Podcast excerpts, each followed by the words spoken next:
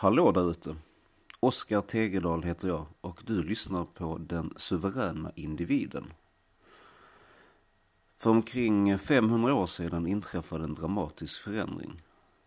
Och den är på väg att hända igen. Informationsrevolutionen kommer avveckla nationalstatens monopol på samma sätt som tryckpressen och krutet avvecklade kyrkans.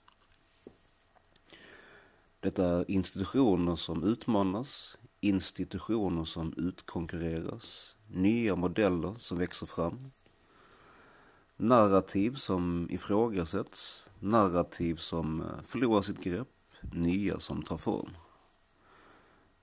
Vad kommer istället? Hur kan vi bidra? Valutor, affärsmodeller, utbildning, kultur, arbetsmarknad, media, politik. Sådana saker kommer vi prata väldigt mycket om här. Jag säger vi, för jag kommer bygga upp eh, någon form av eh, community också, antagligen på Discord. För det ska också vara en plats för den som vill bli en mer suverän individ. Och mer om eh, vad det innebär återkommer vi till framöver.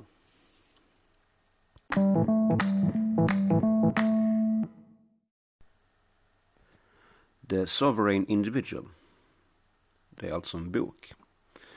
Och den kommer ut i slutet av 90-talet. Internet är på väg att bli mainstream. Jag och eh, mina vänner, vi diggar modemljud och skriver ut bilder på Carmen Electra. Och det är väl ungefär vad internet är för oss just där och då. Och du kunde höra saker som att internet är en fluga och att e-mail förefaller vara någon slags alien för alla över typ 40. Så kändes det i alla fall. Men eh, författarna till den här boken, James Dale Davidson och William Rees Mogg, de ser någonting helt annat. Vad internet verkligen var. Vad det kunde bli. Vad det var startskottet på. Det vill säga övergången till informationseran. Och med det så ser de massor av saker framför sig, vilka de eh, beskriver i boken.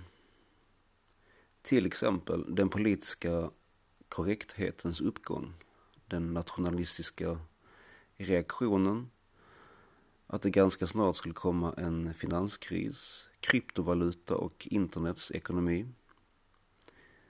eh, gigekonomi, utspridd arbetskraft, eh, remote work, eh, digitala nomader. Det vill säga saker som alltså redan har hänt i mer eller mindre utsträckning. Och det finns fler exempel. Och boken innehåller också massor av saker som är på gång och saker som du tror kommer att hända. Vilket vi naturligtvis kommer att återkomma till.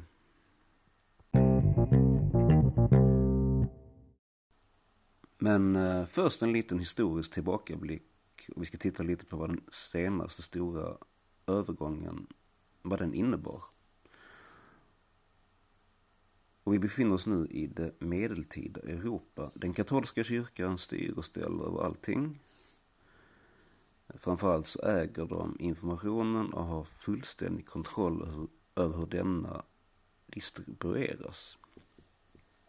Men plötsligt tryckpressens intåg Gutenbergs fantastiska uppfinning på 1450-talet. Den förändrar allt. Plötsligt kunde den eh, kritik som funnits mot den katolska kyrkan redan hundra år tidigare, en kritik som nu har Martin Luther som, eh, som bärare, nu kunde den spridas över hela kontinenten. Aden ser och fångar möjligheten och tolkar fortsättningsvis Bibeln på ett sätt som bättre passar egna och lokala intressen. Och gradvis skakar man av sig den katolska kyrkans kontroll. Nu har övergången från kyrka och religion som dominerande institution till nationalstat som dominerande institution nu har den rullat igång. Under den industriella revolutionen rullar den slutligen i mål. Och tryckpressen Den möjliggjorde spridning av kunskap, idéer och konkurrens. Krutet, eller the Gunpowder Revolution, ledde till ett kraftigt ökat våldskapital. Ångmaskiner, fabriker med mera blev så att säga grädde på tårtan. Och nu regerade alltså nationalstaten. Och gör ju så än idag. Och liksom det var svårt att tänka sig något annat under det medeltida Europa är det väl väldigt svårt att tänka sig en annan ordning just här och nu. Men nu är vi inte bara enligt de här författarna utan nu är vi verkligen inne i en övergångsperiod. Men för att återgå till författarna till The Sovereign Individual. En övergångsperiod som kommer leda till att nationalstaten tappar mark, att den tappar sitt maktmonopol. Och tänker man lite på den kris som vi är inne i just nu så kan man ju tydligt se hur det svajar. Institutioner som inte fungerar som det bör eller ska. Väldigt tydligt över hela västvärlden egentligen, med vissa få undantag. Dålig beredskap, en ömtå ömtålighet som exponeras. Med vissa undantag kanske som Taiwan, Sydkorea,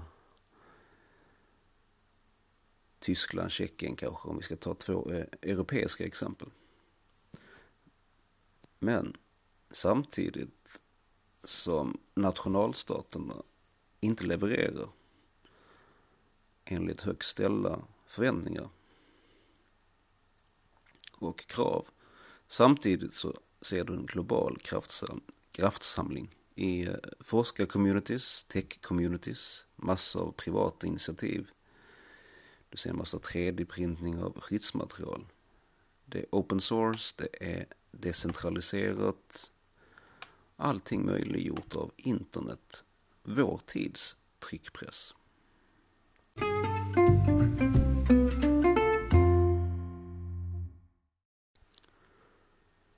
Vi eh, avslutar det här första avsnittet med eh, några exempel på vad författarna till The Sovereign Individual eh, några exempel på saker som ännu inte har hänt men som enligt författarna sannolikt kommer hända.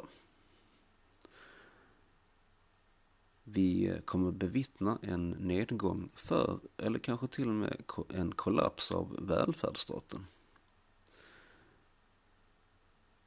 i takt med att vår finansiella frihet ökar så kommer regeringar eller statsapparater inte ha något annat val än att behandla sina medborgare som eh, mer som samarbetspartners eller till och med kunder och mindre som anställda med dåliga villkor. Eller i det fall som det är riktigt illa, mindre som offer för organiserad brottslighet. stora förändringar på arbetsmarknaden.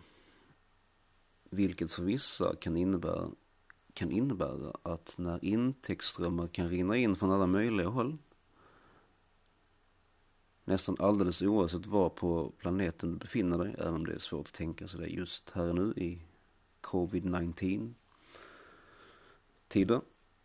I alla fall, då måste du inte längre utsätta dig själv för orimligt höga skatter regeringar som eh, skattar för hårt kommer alltså, riskera att jaga bort sina mest intäktsbringande medborgare. Nationalstaten eh, måste uppgradera sig själv för att hänga med. Och vissa har redan, tycks redan ha positionerat sig väl vad gäller denna slags uppgradering. Som Singapore, Schweiz, Estland, Israel är stater som det ofta nämns i dessa sammanhang. Ett kompetent, högutbildat styre, teknisk kunskap, eh, datadrivet. Vi kommer även se en nedgång i traditionella eliters status och makt. Någonting som för mig i alla fall är helt tydligt att det redan pågår. Och detsamma gäller väl även den punkt som jag tänkte vi avslutar det här sam, äh, avsnittet med. Och det är att webben äh, möjliggör en flykt för den som råkar vara född in i fattigdom eller ett visst land.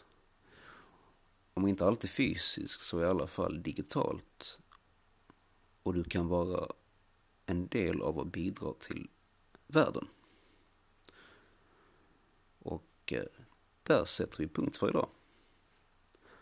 Ha det gött!